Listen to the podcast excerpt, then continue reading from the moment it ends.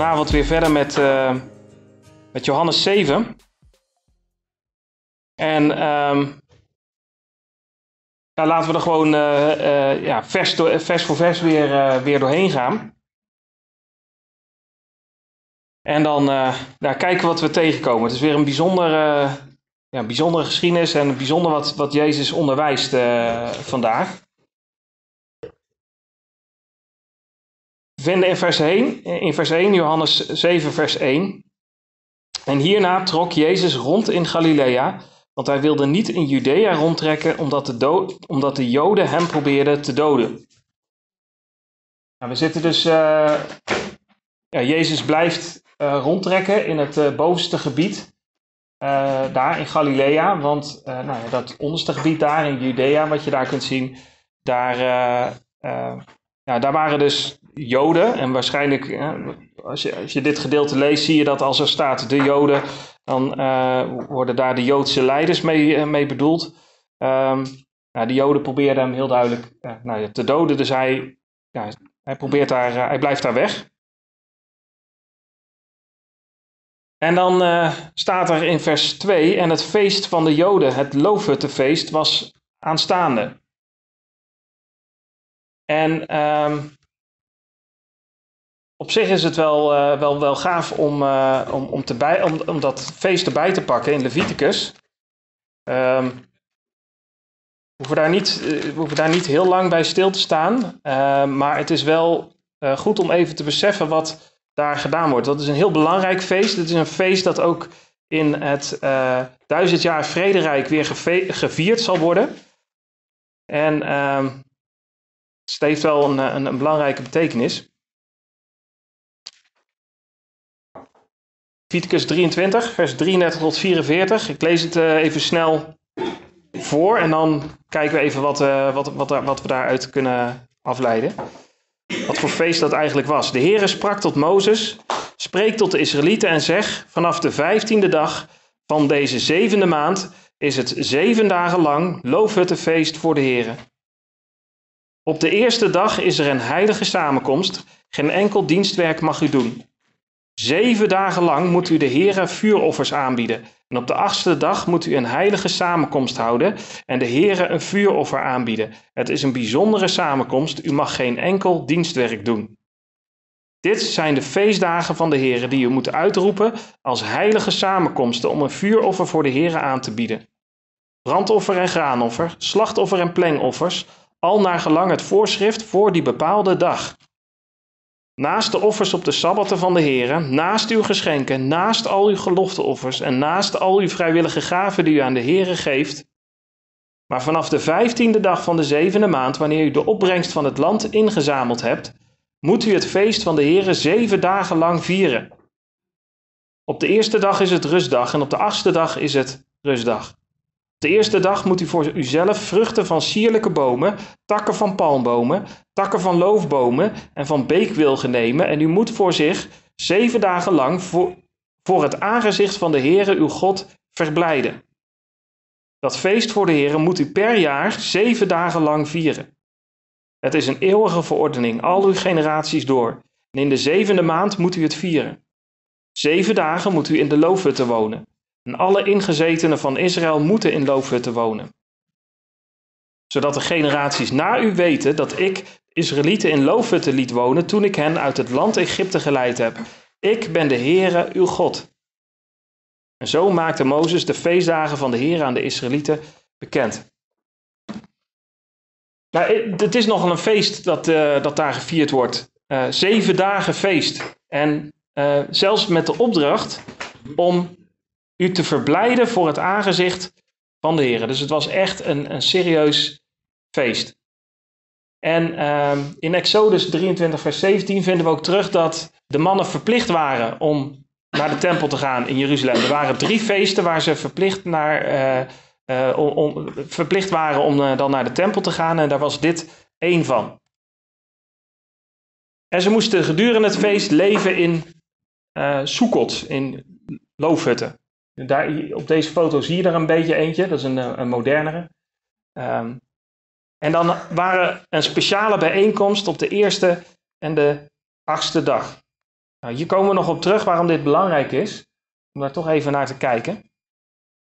Maar dit was een groot, uh, een groot feest.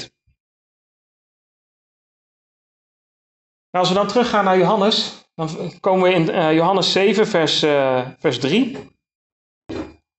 Zijn broers dan zeiden tegen hem: Vertrek van hier en ga weg naar Judea, zodat ook uw discipelen de werken die u doet kunnen zien. Want niemand doet iets in het verborgene en streeft er tegelijkertijd zelf naar dat men openlijk over hem spreekt. Als u deze dingen doet, maak u zelf dan openbaar aan de wereld. Want ook zijn broers geloofden niet in hem. Nou, dit is uh, bizar, vind ik. Is de broers die hebben Jezus meegemaakt. En, um, en toch geloofden ze niet in Jezus. In ieder geval niet op dat moment. We weten van Jacobus en van Judas dat ze later tot geloof zijn gekomen. Van het, het, uh, um, uh, het, het, het, ja, de, de brief van Jacobus, die komt van deze Jacobus af. En de brief van Judas komt ook van deze Judas af. En um, want wie zijn broers dus waren, dat, dat vinden we in Matthäus 13. Uh, ehm, staat er van, nou ze, zeggen, ze hebben hem heel duidelijk herkend als zijnde van, nou, is dit niet de zoon van de timmerman? Heet zijn moeder niet Maria? Zijn broers Jacobus, Jozef en Simon en Judas? En zijn zusters zijn, die zijn niet alle onder ons, dus hij had ook nog zussen, maar die worden niet genoemd. Uh, waar heeft deze dan dit alles vandaan? En zij namen aanstoot aan hem. Maar Jezus zei tegen hen: Een profeet is niet ongeëerd behalve in zijn vaderstad en in zijn huis. En hij deed daar niet veel krachten vanwege hun ongeloof.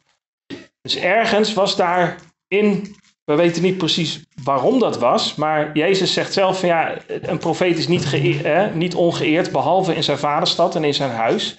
Um, kennelijk hadden ze een andere verwachting van de Messias. En um, zijn broers die zeggen, in, in, eh, in het gedeelte in, in Johannes, zegt hij van ja, maar ga nou maar gewoon naar Judea. Dan kunnen, kan iedereen die werken zien die u doet.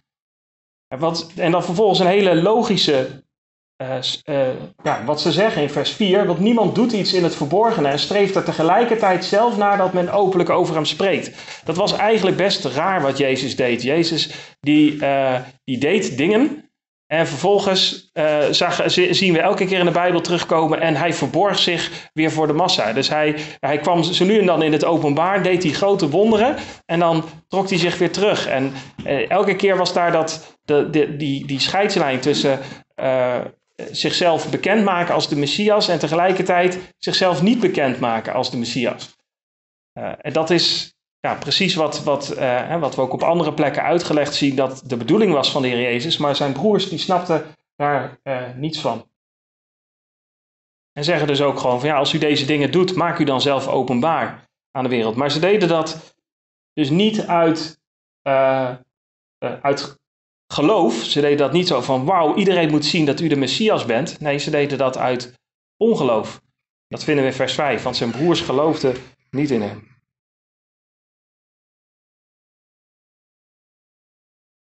Nou, vers 6 vinden we dan dit. Jezus dan zei tegen hen, mijn tijd is nog niet aangebroken, maar uw tijd is er altijd. De wereld kan u niet haten, maar mij haat zij, omdat ik van haar getuig dat haar werken slecht zijn. Gaat u naar dit feest? Ik ga nog niet naar dit feest, want mijn tijd is nog niet vervuld. En nadat hij dit tegen hen gezegd had, bleef hij in Galilea.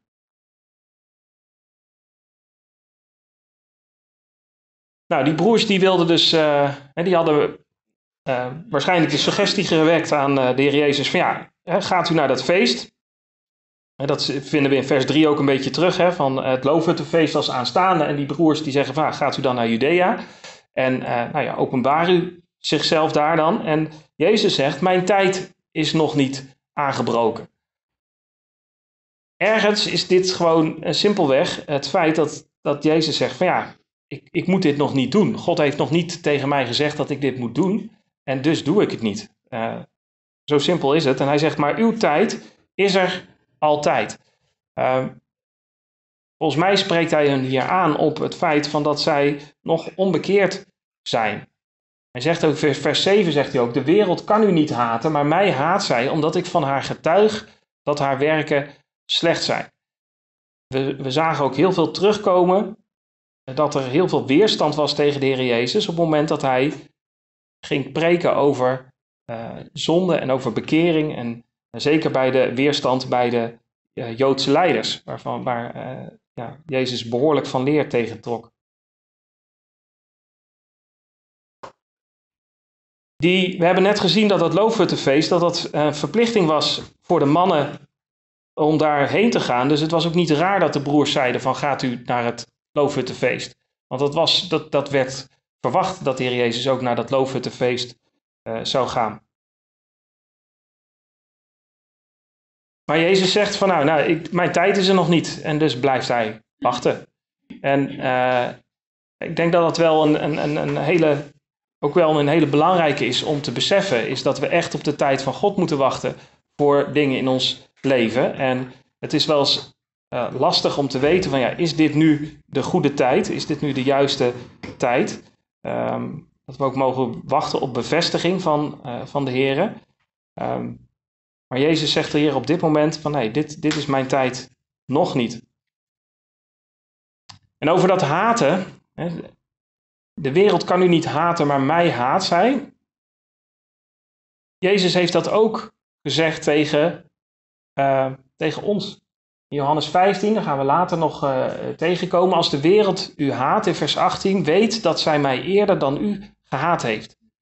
Als u van de wereld zou zijn, zou de wereld het hare lief hebben. Maar omdat u niet van de wereld bent, maar ik u uit de wereld heb uitverkoren, daarom haat de wereld u.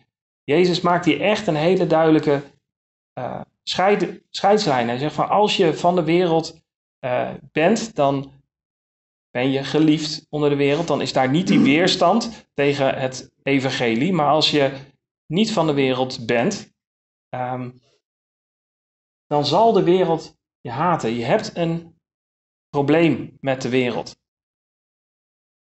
Herinner het woord dat ik u gezegd heb: een slaaf is niet meer dan zijn heer.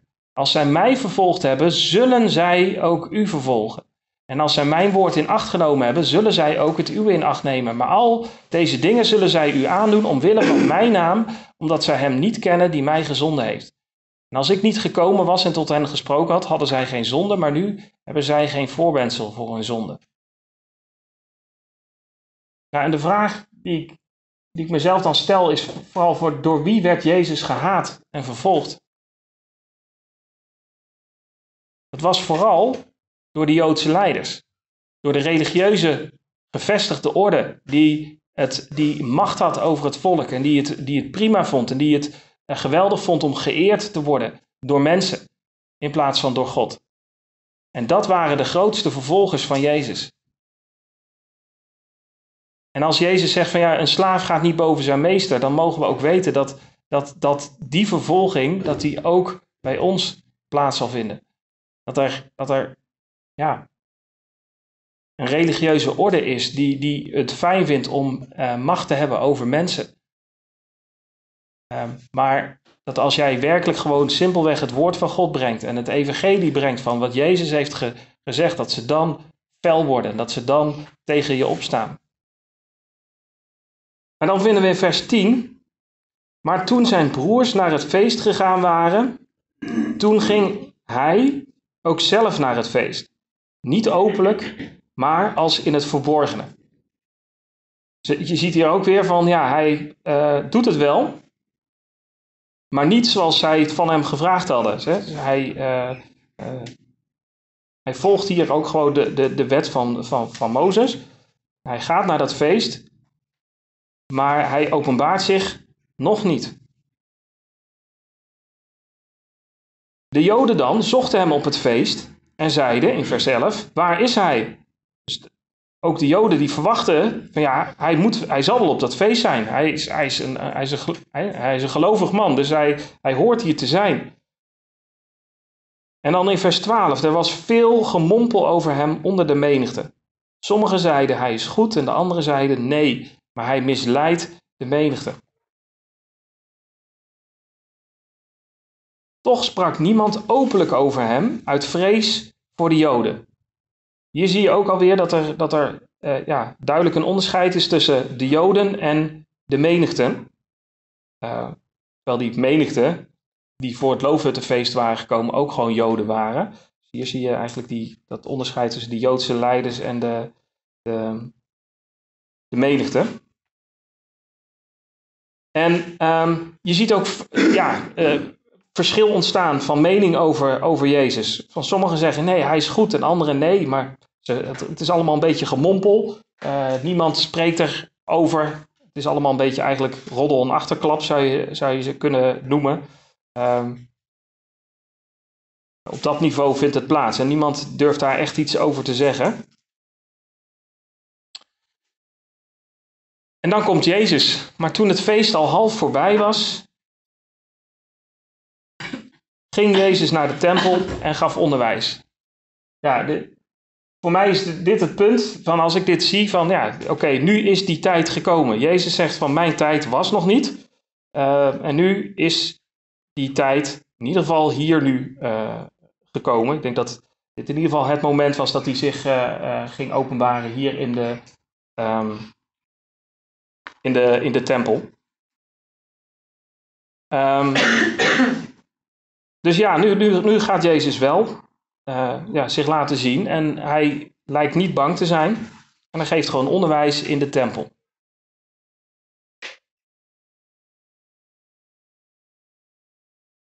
En de Joden verwonderden zich en zeiden: Hoe kent hij de schriften zonder onderwezen te zijn? En Jezus antwoordde hun en zei: Mijn onderricht is niet van mij, maar van hem die mij gezonden heeft. En als iemand de wil heeft om zijn wil te doen, zal hij van dit onderricht weten of het uit God is of dat ik vanuit mijzelf spreek. Voor de Joden was er een. Uh, de Joden waren gewend eigenlijk dat, er, uh, dat mensen in de leer gingen bij een rabbijn. En nou, daar kreeg je dan onderwijs in de schriften. het was natuurlijk ook niet zo dat iedereen zomaar een, geprint bijbeltje had. Dat was natuurlijk ook niet, niet, niet haalbaar. Um, en nou, je ging bij een rabbijn en kreeg je onderwijs uit de schriften. En nou, dat, dat, dat, was, dat was eigenlijk hoe het ging. En zij verwonderden zich nu dat Jezus dat niet gedaan had en dat hij wel de schriften kent. Dat was ook al uh, op twaalfjarige leeftijd, werd dat ook al, uh, ja, vroegen zij zich dat ook al af in de, in de tempel. En dan zegt Jezus, waarom dat zo is. Mijn onderricht is niet van mij, maar van Hem die mij gezonden heeft. Dit is, hij zegt van dit zijn Gods woorden. Maar hij zegt niet, mijn onderricht is niet van mij, maar van God. Nee, hij zegt van Hem die mij gezonden heeft. En dat wijst mijn zinziens op het, het feit dat hij nadruk legt over dit is de wil van God. Dat ik hier nu ben om te spreken tot jullie. Dit is de wil van God dat ik hier ben op aarde. En dan gaat hij verder. Als iemand de wil heeft om zijn wil te doen. Dus als jij het verlangen hebt, als iemand, Jezus het, sluit niemand uit. Hij zegt als iemand de wil heeft om de wil van God te doen, dan zal hij van dit onderricht weten of het uit God is of dat ik uit mijzelf spreek. Dit is een hele belangrijk, is een heel belangrijk vers. Dat we beseffen dat als iemand werkelijk God wil vinden, dan zal hij de Bijbel kunnen lezen en weten, dit is van God. Want Jezus zegt dit. Hij zegt van ja, je, je zult weten, dit is het woord van God. Het onderricht dat ik geef, dat is het woord van God. Hij gaat hierop verder en dan zegt hij in vers 18: Wie vanuit zichzelf spreekt, zoekt zijn eigen eer. Maar wie de eer zoekt van hem die hem gezonden heeft, die is waarachtig en geen ongerechtigheid is in hem. Ja, hij zegt hier van, ik, ik ben op zoek naar de eer van God. En ik, hè, hij had gezegd, God heeft mij gezonden. Hè, en ik ben, ehm, ik zoek zijn eer. Ik zoek niet de eer van mensen. Ik ben niet bezig om uh, uh, peoples te pleasen. Ik ben bezig om God te eren met mijn leven. En omdat God waarachtig is, ben ik waarachtig. En dan is er geen ongerechtigheid in hem. Dit zegt Jezus over zichzelf. En we weten ook dat Jezus uh, waarachtig is en dat er geen ongerechtigheid uh, in hem is.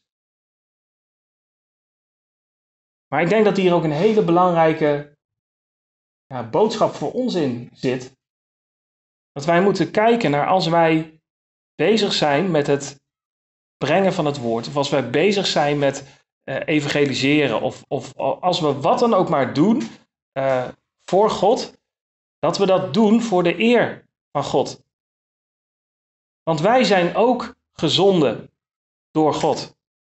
Want Jezus zegt in Johannes 20, vers 21, zoals de Vader mij gezonden heeft, zend ik ook u. Dus wij zijn met dezelfde opdracht waarin Jezus gezonden is naar de aarde, zijn wij ook de wereld ingezonden om het evangelie te brengen. De blijde boodschap van Jezus, dat Hij voor de zonde van de mensen gestorven is, dat er weer verzoening is met de Vader.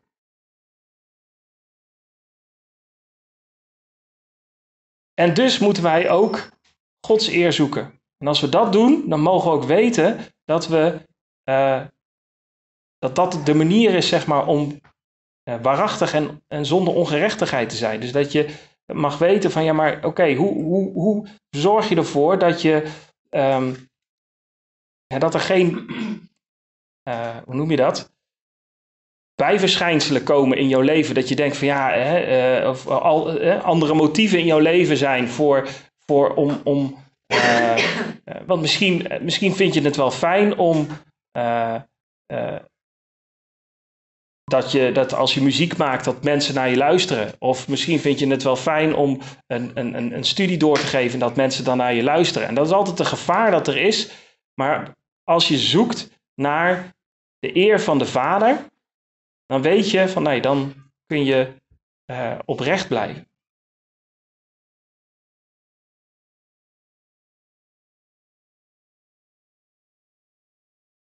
Nu, nu gaat hij verder uh, en nu valt hij de uh, Joden aan. Hij zegt: Heeft Mozes u niet de wet gegeven en niemand van u doet de wet? Waarom probeert u mij te doden? Nu, nu, nu, nu maakt hij het scherp. Hij zegt van ja, maar waarom proberen jullie mij te doden? Uh, en we zullen ook zien waarom hij het erover heeft. Want uh, zij zijn nog steeds, ze proberen hem nog steeds te doden, omdat hij op een sabbat uh, een mens genezen had. dat hebben we in Johannes 5 gevonden. En dat had hij gedaan en daar waren ze nog steeds bezig. ze waren bezig om hem te, te zoeken, een gelegenheid te zoeken om hem te doden. Maar hij zegt van ja, maar jullie houden zelf de wet niet. En waarom probeert u mij te doden? En dan is het, het antwoord is, is, is, is echt heel beledigend. En, en echt heel erg, als je daarover nadenkt. De menigte antwoordde en zei, u bent door een demon bezeten. Wie probeert u te doden? Dit is zo'n rare reactie. We, we hadden eerst al gezien van, nou, sommige mensen zeggen hij is goed en anderen zeggen nee, hij misleidt de menigte. En nu ineens komt er eigenlijk, ja, zie je alsof er één stem terugkomt. Ja, maar u bent door een demon bezeten. Wie probeert u te doden? Dit lijkt een, een reactie te zijn van, van de duisternis. Een, een, een, een kei felle reactie. Die, als we terugkijken naar Johannes 7, vers 7, ook daar heel erg bij aansluit bij wat Jezus al gezegd heeft heeft. De wereld kan u niet haten, maar mij haat zij omdat ik van haar getuig dat haar werken slecht zijn. Wat Jezus hier doet, hij zegt van jullie, uh, uh, jullie vertrouwen op de wet, maar jullie houden de wet niet. Dus Jezus getuigt nu dat hun werken slecht zijn. En wat is de eerste reactie van hun? Bam. Je bent door een demon bezeten. En ik denk dat wij niet raar moeten staan te kijken dat eh, als Jezus al gezegd heeft, een slaaf gaat niet boven zijn meester, is als wij het woord van God recht snijden, als wij gewoon het, het, het, het woord brengen, dat je soms uit hele onverwachte hoek echt hele nare reacties kunt krijgen. En ik heb het, ik heb het meegemaakt dat ik echt dacht van, ik, ik, ik, ik heb nou toch gewoon goed het evangelie neergezet. Zowel, redding, eh, zowel, zowel de, het, het, oordeel neergezet vanuit de Bijbel en tegelijkertijd de redding van de Heer Jezus. En, en dat er dan ineens gewoon, ik, ik zag het gewoon niet aankomen. Gewoon eigenlijk een, een, een geestelijke uh, klap vol in je gezicht van iemand die, die gewoon dan tegen je gaat zeggen: Ja, maar dit kan je toch zo niet zeggen? En dat je ineens denkt: van, Oh, oh wacht even. Dit is. Je staat midden in een strijd. Nou gaat Jezus verder in vers 21 zie je dan. Jezus antwoordde en zei, zei tegen hem: Eén werk heb ik gedaan en u verwondert u allen. Welnu, Mozes heeft u de besnijdenis gegeven. Niet dat zij van Mozes komt, maar van de vaderen, en u besnijdt iemand op de Sabbat. Als een mens de besnijdenis ontvangt op de Sabbat, juist om de wet van Mozes niet te breken, bent u dan verbitterd tegen mij, omdat ik een heel mens gezond maak, gemaakt heb op de Sabbat? Oordeel niet naar wat voor ogen is, maar fel en rechtvaardig. Een rechtvaardig oordeel. Jezus zegt van ja, jullie zoomen nou in in vers 21 op, op dat ene werk dat ik heb gedaan. Hij had er natuurlijk meer gedaan, maar dit was het, het werk waar zij over vielen. En dan legt hij uit van welk, wat het probleem er is met de besnijdenis. Nou, de besnijdenis, uh, zegt hij, en niet dat die van Mozes komt, maar van de vaderen. Uh, Abraham had al de besnijdenis als uh, verbond gekregen. Dus het bestond al. Maar in de. Um, en hij zegt: U besnijdt iemand op de sabbat. Want. Uh, nou goed, je moest, uh, de, de besnijdenis moest ontvangen worden op de achtste dag nadat het kind geboren was. En nou als, een, als een kind dus op een bepaalde dag geboren was, dan kon het dus zijn dat je op de Sabbat besneden moest worden.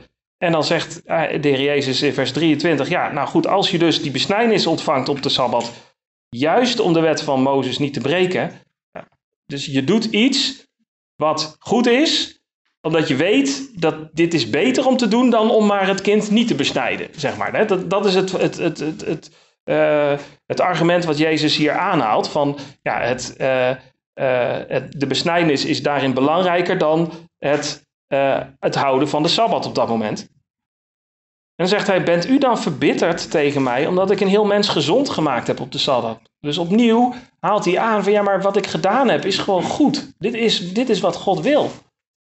Ik heb helemaal niet gezondigd. Ik heb, ik heb een mens gezond gemaakt op de Sabbat. Dat is goed. En dan zegt hij, oordeel niet naar wat voor ogen is, maar fel een rechtvaardig oordeel. We moeten ons niet blind staren op, op de, de, de regeltjes. We moeten kijken naar wat heeft God bedoeld en, en, en daar naar, naar zoeken. Maar zij waren echt alleen maar bezig met, um, uh, ja, met, met oordelen en dan op een verkeerde manier. En Jezus zegt, je moet een rechtvaardig oordeel doen. Een oordeel dat, dat klopt volgens het recht. En het oordeel wat zij uh, uh, deden, dat, dat deed niet recht aan de, de, de, de andere delen van de wet van Mozes, waarin God gezegd had dat je God moest liefhebben boven alles en je naaste als jezelf. Dat is de samenvatting van de wet. Als je werkelijk geeft om die mens, dan besef je dat uh, de mens gezond maken op de Sabbat, dat dat beter is dan, uh, dan de rest. Want dat, daar draait het om. Dus fel een rechtvaardig oordeel. En, en, en dit is, dit is een, een, een tekst die belangrijk is om te beseffen dat die ook in de Bijbel staat. Want heel veel mensen halen deze tekst aan uit Matthäus 7, die Jezus ook gezegd heeft in de bergreden, vers 1 tot 4, oordeel niet, opdat u niet geoordeeld wordt. Nou, dat pakken ze dan uit het verband. En dan zeggen ze, ja, je mag, eh, je mag mij, mij niks meer vertellen vanuit de Bijbel, want eh, je mag niet oordelen, want je. Ja, nou ja, dat, dan, dan, als je dat doet, ja, dan ben je natuurlijk in die zin. Eh, ja, laat je de Bijbel buik, spreken, laat je de Heer Jezus buik spreken, want dat zegt hij niet.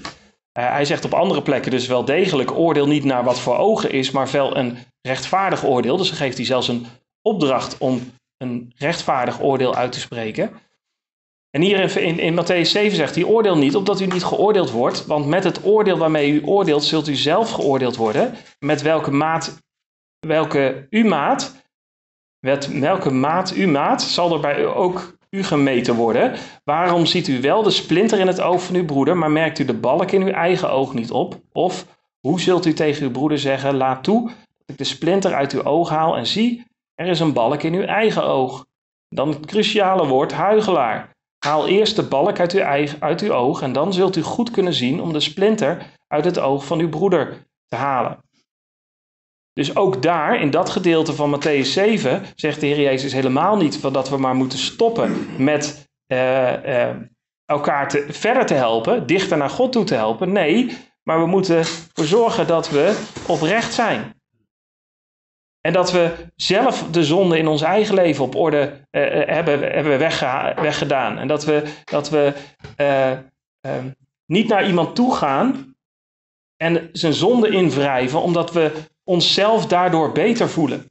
Dat is het grote probleem vaak als wij eh, eh, eh, ja, iets willen aanwijzen in een andermans leven. Zo'n, oh, moet je nou eens kijken hoe slecht hij is. En dan voel je jezelf een beetje minder slecht. En dat is een heel gevaarlijke manier van oordelen. Maar Jezus zegt nee, eh vel een rechtvaardig oordeel. En om dat te kunnen doen moet je ook eerst, ja, mij zie je ook gewoon de, de andere opdracht van de Heer Jezus ook volgen. Namelijk dat je niet huigelt, maar dat je eerst ervoor zorgt dat je, eh, jouw leven op orde is eh, met God. Interessant is ook eh, vers 6, Matthäus 7. Dan zegt hij daarna, na het stukje, geef het heilige niet aan honden en werp uw parels niet voor de zwijnen. Dus kennelijk moet je toch oordelen wie zwijnen en honden zijn. Dus wie onrein leven en wie... Ja, dus in de weg wandelen, dat ze het woord toch niet zullen aannemen, zeg maar. Dat is echt bizar. Als je, als je alleen maar dat zinnetje eruit uit, uitlegt en dat dus niet mee heeft. eh. Ja. Ja, ik, ik, denk dat de boodschap van, van, van Jezus echt gewoon ja, helder is. Eh, ja, eh, het is wat Jezus ook zegt van je, je, met welke maat je meet, zal ook bij u gemeten worden. Het is wel, eh, het is, het, het is ehm, niet raar van als wij de lat hier leggen, dan is dat terecht als die lat ook bij ons zo ligt. Ik bedoel, het is niet, het is niet raar. We moeten niet eh, eh, dingen van andere mensen gaan vragen die we zelf niet doen. Dat is raar. Dat is, dat is huigelen. Dat is hypocriet. Maar goed, dus niet naar wat voor ogen is, maar een rechtvaardig oordeel. En, en Jezus zegt in, in, maakt eigenlijk duidelijk aan, die, eh, aan de menigte en aan de Joden: van let op, van jullie vellen nu geen rechtvaardig oordeel. Wat jullie nou doen is een verkeerd oordeel. Nou, vers 25 zie je eigenlijk al meteen een eh, tegenstelling van, van wat eh, de menigte zei eh, in vers 20. Nu zeggen in vers 25, sommigen dan van de inwoners van de Jeruzalem zeiden, is hij het niet die zij proberen te doden? Dus in vers 20 zeggen mensen, u bent door een demon bezeten, wie probeert u te doden? Ja, nou ja, en in vers 25 zien we dat er wel degelijk mensen zeggen, zijn die zeggen, ja, wacht even, eh, is hij het niet die ze proberen te doden? En zie, hij spreekt vrij uit en, en zij zeggen niets tegen hem. Zouden onze leiders soms werkelijk tot erkenning zijn gekomen dat hij werkelijk de Christus is? Maar van hem weten wij waarvan hij vandaan komt. Wanneer echter de Christus komt, weet niemand waar hij vandaan komt. Ja, hier valt mij eh, iets in op. Eh, in vers 26. eh, hij, en zie, hij spreekt vrij uit. En zij zeggen niets tegen hem. Zouden onze leiders soms werkelijk tot erkenning zijn gekomen dat hij werkelijk de Christus is? Ehm, zwijgen kan instemmen, suggereren. In ieder geval, hier suggereert het instemming. Maar het viel mij op dat bijvoorbeeld in het criterium voor een oudste, in Titus 1 vers 9, is dat, het een, uh, dat, dat die persoon in staat moet zijn, dat hij bij machten is om anderen te bemoedigen door het gezonde onderwijs en ook de tegensprekers te weerleggen. Dus er is, er is dat, de reden dat er een, een, een, een, oudste uh, moet kunnen weerleggen, is volgens mij ook omdat de verantwoordelijkheid ook ligt bij oudsten om te weerleggen op het moment dat er valse leer binnenkomt in de gemeente. En als je dat niet doet, als je de valse leer niet weerlegt in de gemeente, dan krijg je dus dit soort verhalen van mensen die zeggen: ja, ja maar hij spreekt vrij uit en, en niemand wordt er wat van gezegd, dus, dus ja, zullen ze het dan mee eens zijn? En in nummer 30 moet je maar eens uh, nalezen, een heel, uh, eigenlijk een heel gaaf uh, stuk over, over hoe, hoe men moest um, omgaan. de, de verhouding tussen bijvoorbeeld man en vrouw en de verhouding tussen dochter en vader. En daaruit kun je leren dat, dat, dat een, als je zwijgt in de positie van autoriteit, dat, je gelijk, dat dat gelijk staat aan het bekrachtigen van de situatie. Uh, als een, een vrouw een, een, een, een bepaalde eet op zich had genomen in het huwelijk, nou, ze, had, had iets gezegd van ik ga dit doen voor God, en de man hoort daarvan, dat, dat we in nummer 30, dan, um, en hij zwijgt, dan is zij gebonden door die eet. Maar als die man dan zegt, ja maar wacht even, wat heb je nou gezegd? Dat kan je, dat, kan je niet doen, dan is zij niet gebonden. Dus daar zie je heel duidelijk terugkomen dat... Uh, dat als je zwijgt in zo'n situatie en je weet ervan, dat dat gelijk staat ook aan het bekrachtigen van iets. Dus, um, dus iets wat waar, we echt op moeten, uh, scherp op moeten zijn. Niet zomaar als we dingen zien gebeuren dat we denken, ja weet je, we, we houden ons mond maar, want dan uh, ja, komt er minder ellende van.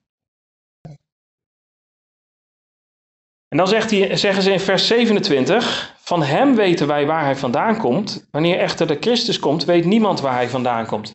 Ja, zij hebben hier iets van, um, weten niet precies waar ze dit uh, op baseren. Waarschijnlijk op, op uh, uh, ja, verkeerde uitleggingen van bepaalde profetieën. Dat ze dachten dat Christus eigenlijk ineens in het midden zou zijn. Dat Christus ineens zou, uh, zou opstaan en zich zou bekendmaken als de Messias. En, en, en dat was dan, hè, dan zou die koning worden. En nou ja, dat was hun verwachting die zij hadden. Um, en dat ze dan eigenlijk niet zouden weten waarvan die vandaan kwam. Maar ze zeggen ook, uh, in vers uh, 41 komen we ook verder dat ze wel degelijk, of in vers 42, dat ze weten dat de Christus uit het geslacht van David zou zijn en uit het dorp van Bethlehem. Um, maar goed, ze zeggen hierover in vers 27, zeggen ze van ja, wacht even, uh, wij weten wie die is. Uh, en en, en, en dat, dan kan hij dus de Christus niet zijn.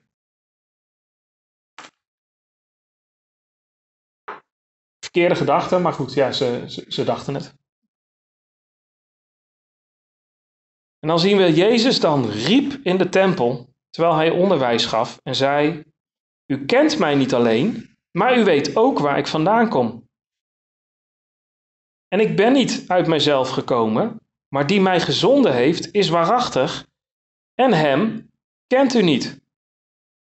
Maar ik ken hem, want ik ben van hem afkomstig en hij heeft mij gezonden. Zij probeerden hem dan te grijpen, maar niemand sloeg de hand aan hem. Hier is Jezus weer heel scherp. Hij zegt van ja, maar je kent me niet alleen, maar je weet ook waar ik vandaan kom. Ik heb het net gezegd. Ik ben gekomen van God. Ik ben niet uit mezelf gekomen, maar ik ben gezonden door God en Hij is waarachtig. En dan de grote beschuldiging, en hem kent u niet. Dus hij, hij zegt, jongens, jullie, jullie kennen God niet, want jullie erkennen mij niet. Maar ik ken hem, want ik ben van hem afkomstig en hij heeft mij gezonden. Nou, dan zie je ook weer van, ja, de, de, reactie verklaart hier, hè, die ze hier doen in vers 30. Ze probeerden hem dat te grijpen. Uh, zij begrepen aan, de, aan wat Jezus hier zei. Jezus zegt: Ik ben de Messias, ik ben van God, ik ben gezonden door God, ik ben God. En dat is ook wat Johannes voortdurend probeert te laten zien vanuit de, ehm, de gebeurtenissen die, die er waren in Jezus' leven, dat Jezus werkelijk de Zoon van God was. En dat hij het ook op vele malen, hè, vele momenten heeft duidelijk gemaakt. En dat mensen het ook ja, begrepen dat hij dat zei. En het, de reactie is uh, ook tweeledig, want in vers 31 vinden we. En velen uit de menigte kwamen tot geloof in hem en zeiden: Wanneer de Christus komt, zal hij toch niet meer tekenen doen dan hij gedaan heeft? De fariseeën hoorden dan dat de menigte dit over hem mompelde en de fariseeën en de overpriesters stuurden dienaars om hem te grijpen. Je ziet hier twee reacties in, de, in dit gedeelte terugkomen. Je ziet geloof doordat mensen gewoon overtuigd zijn. En zeggen, ja, maar de, als de Christus komt, dan, dan zal hij toch niet meer wonderen doen dan hij. En dat mogen wij ook weten. Ik bedoel, als je, als je, als je, als je ook maar ergens een, een, een moment in je hart twijfelt aan het feit dat Jezus de Zoon van God is. Uh, als je ziet wat hij gedaan heeft. Uh, en, en, en, en, en als, als klapstuk uh, dat hij gestorven is en vervolgens drie dagen, na drie dagen opgestaan is uit de dood. dan weet je, Jezus is de Zoon van God. En er waren velen die tot geloof komen. En die zeggen, ja, dit, dit, dit moet de Christus zijn. De gezalfde.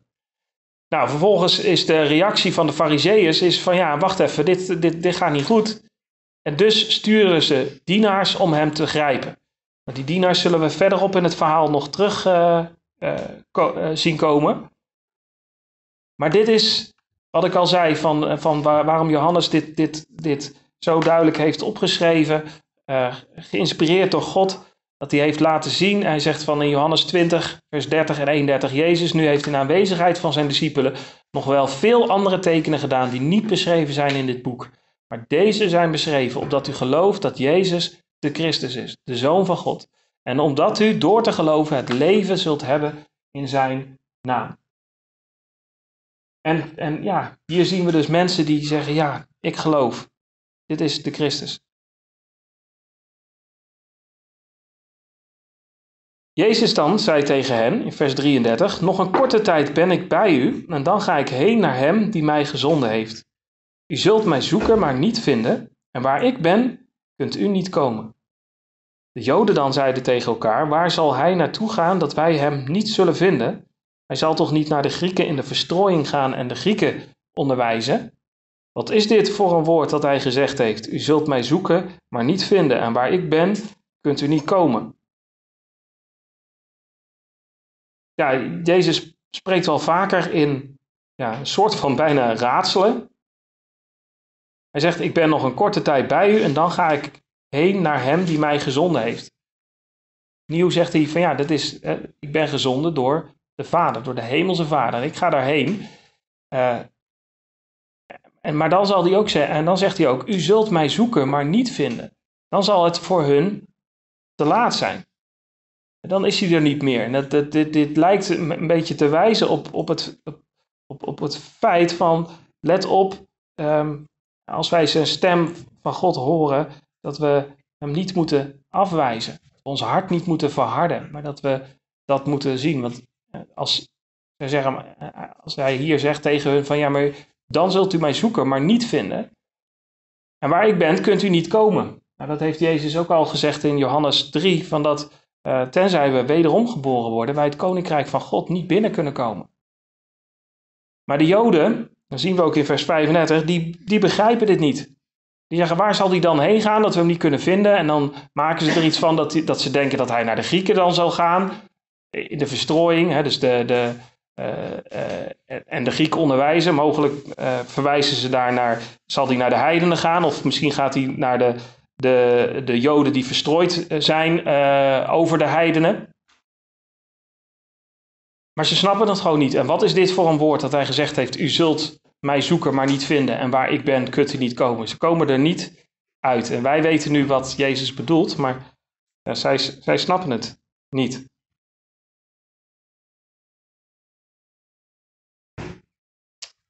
En dan komt in vers 37.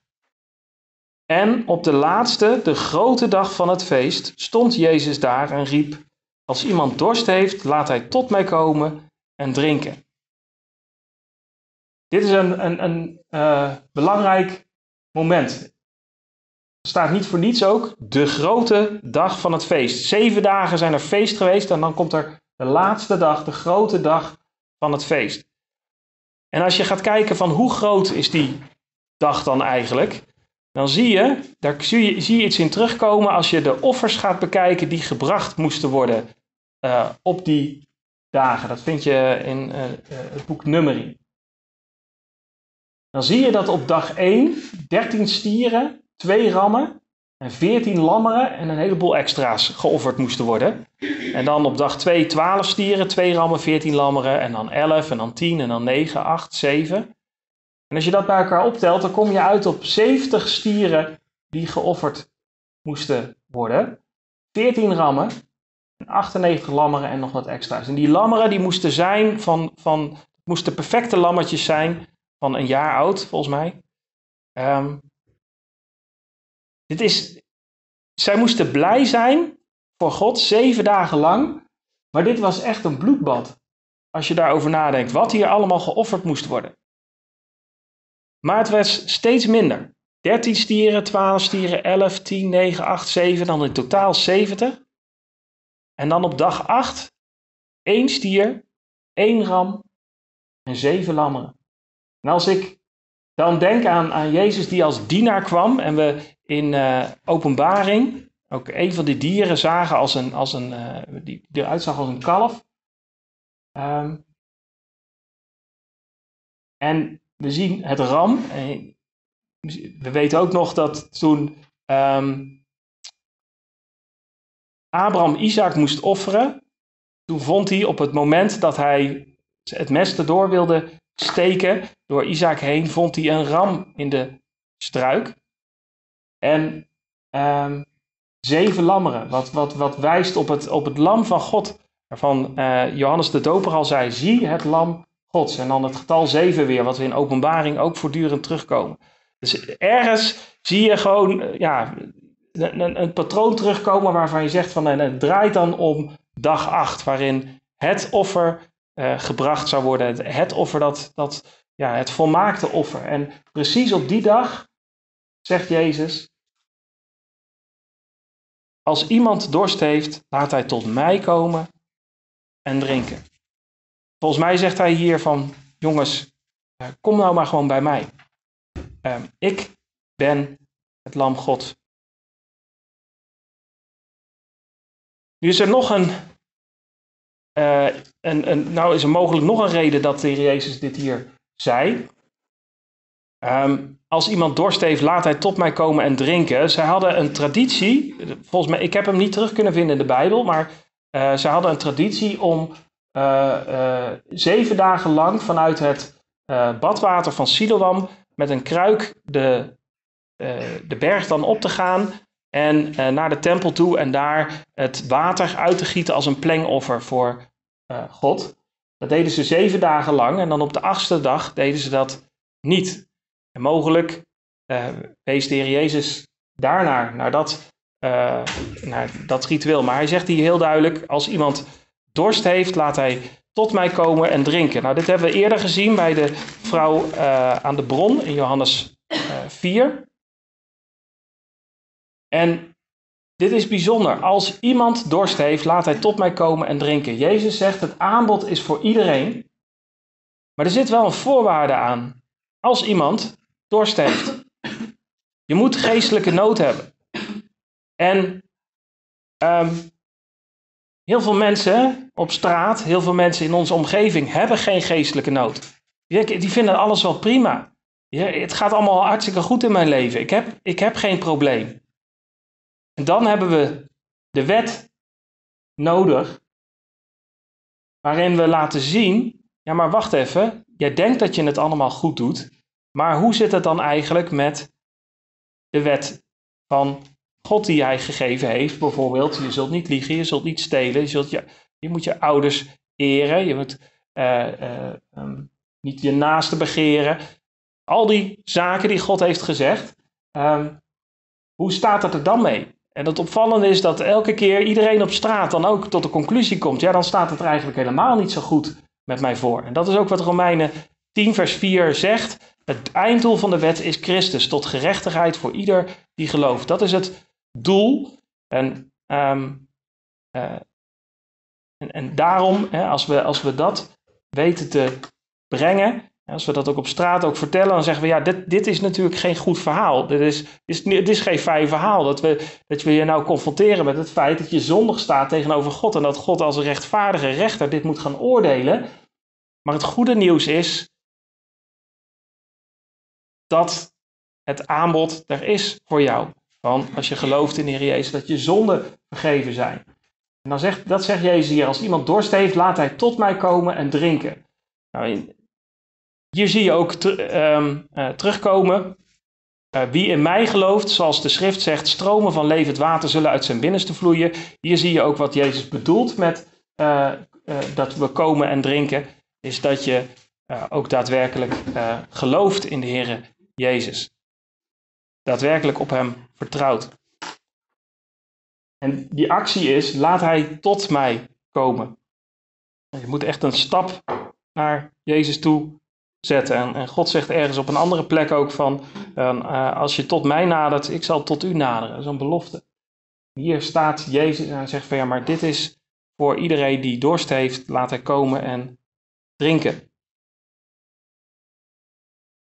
En dan legt hij uit in vers 39 dat die stromen van levend water uh, die uit hun binnenste zullen vloeien. In vers 38, wie in mij gelooft, zoals de schrift zegt, Stromen van levend water zullen uit zijn binnenste vloeien. En dit zei hij over de geest die zij die in hem geloven ontvangen zouden, want de Heilige Geest was er nog niet, omdat Jezus nog niet verheerlijkt was. We vinden dus dat die stromen van levend water, dat het gaat over de Heilige Geest. En hier zien we ook iets, die vraag werd laatst ook gesteld, van ja, wanneer ontvang je nou de Heilige Geest? Nou, ja, de Bijbel is echt heel duidelijk over, is op het moment dat je in hem gelooft, ontvang je de Heilige Geest.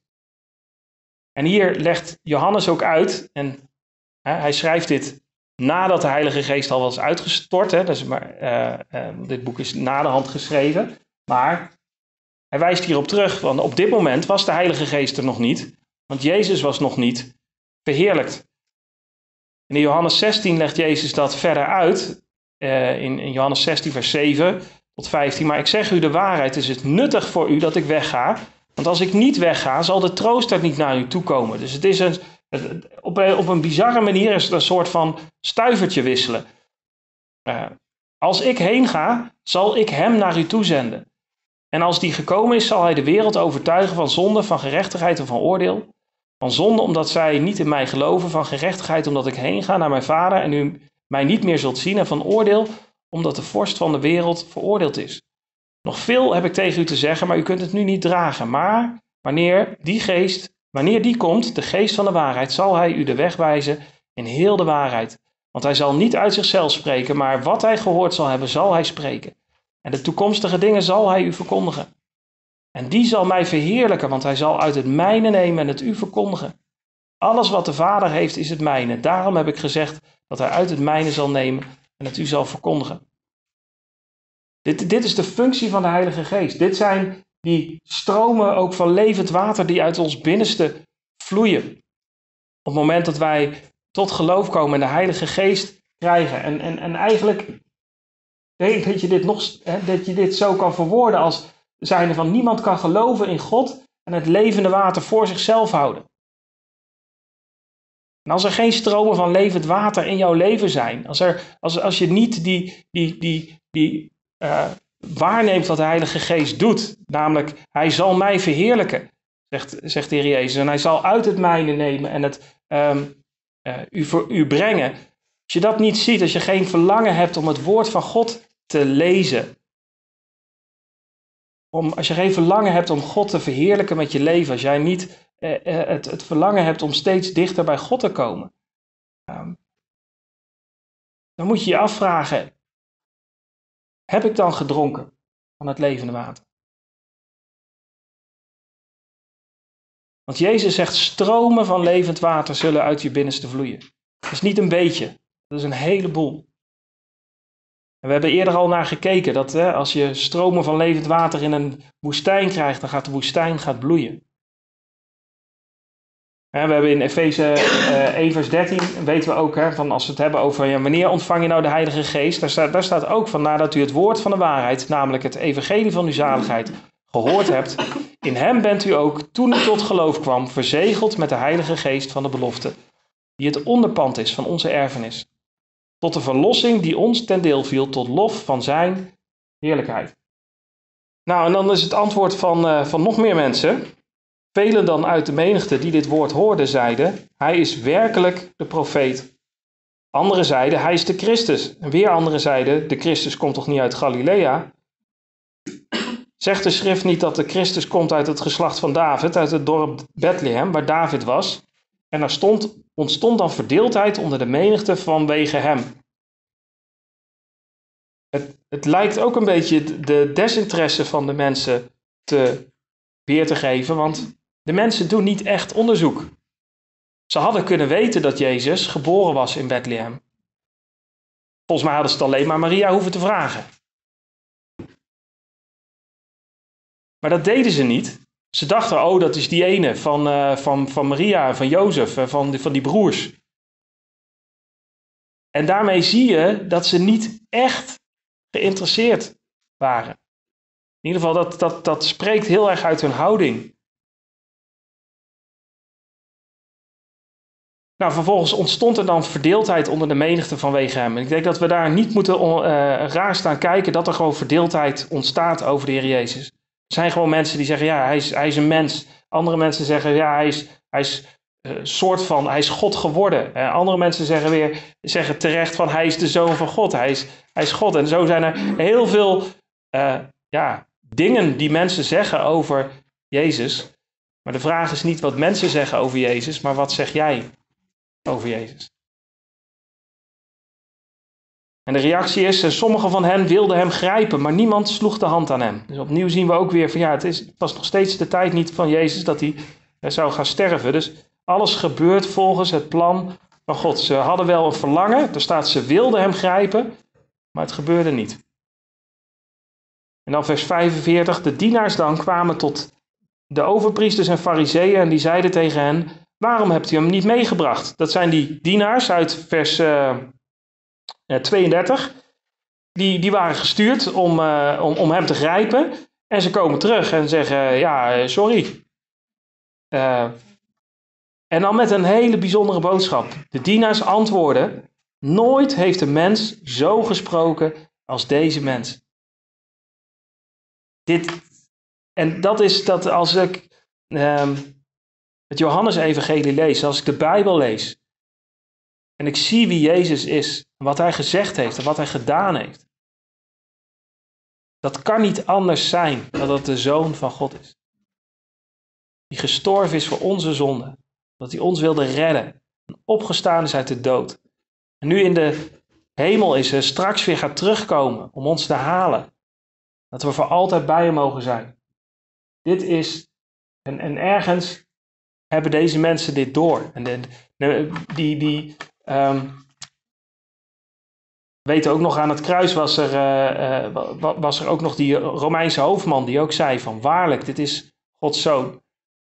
Er zijn genoeg mensen in de omgeving geweest van, van de Heer Jezus die erkend hebben van dit is, dit is buitenaards, dit is goddelijk.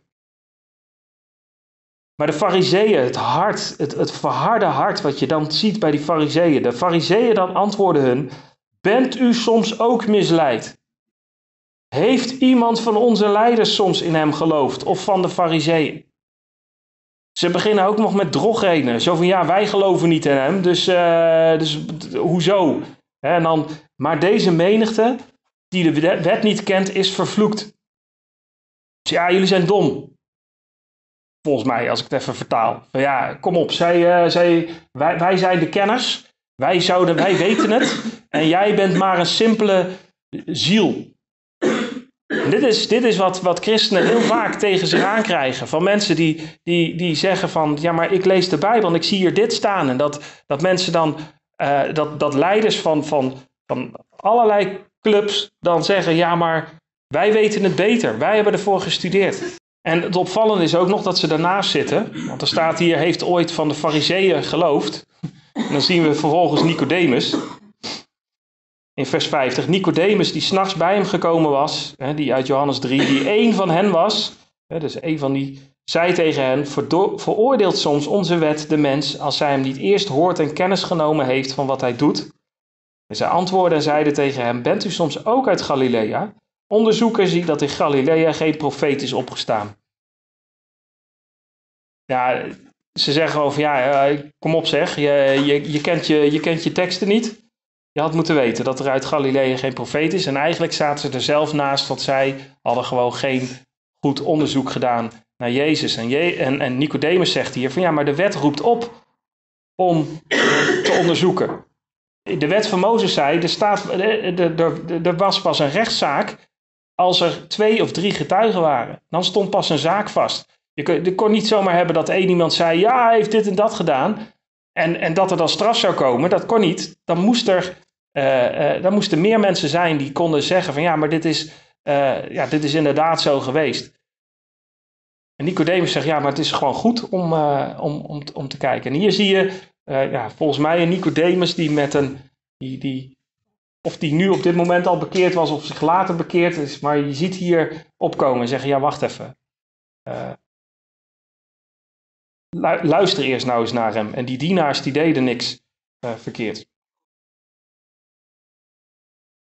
Nou, en dan staat er die conclusie. En ieder ging naar zijn huis. En ook dit, dit gedeelte staat er volgens mij niet voor niets in de Bijbel. Ik denk dat het er is ook om voor ons erover na te denken van hoe gaan wij naar huis.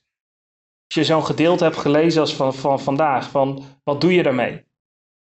Zie jij Jezus voor wie hij is, de Zoon van God, de profeet, de Messias, de Christus, gestorven voor jouw zonde, opgestaan uit de dood.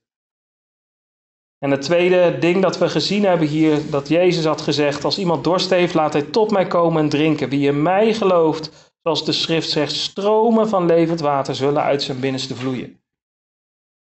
Geloof jij in Jezus? Heb jij de Heilige Geest ontvangen? Merk jij die werking van die Heilige Geest in jouw leven.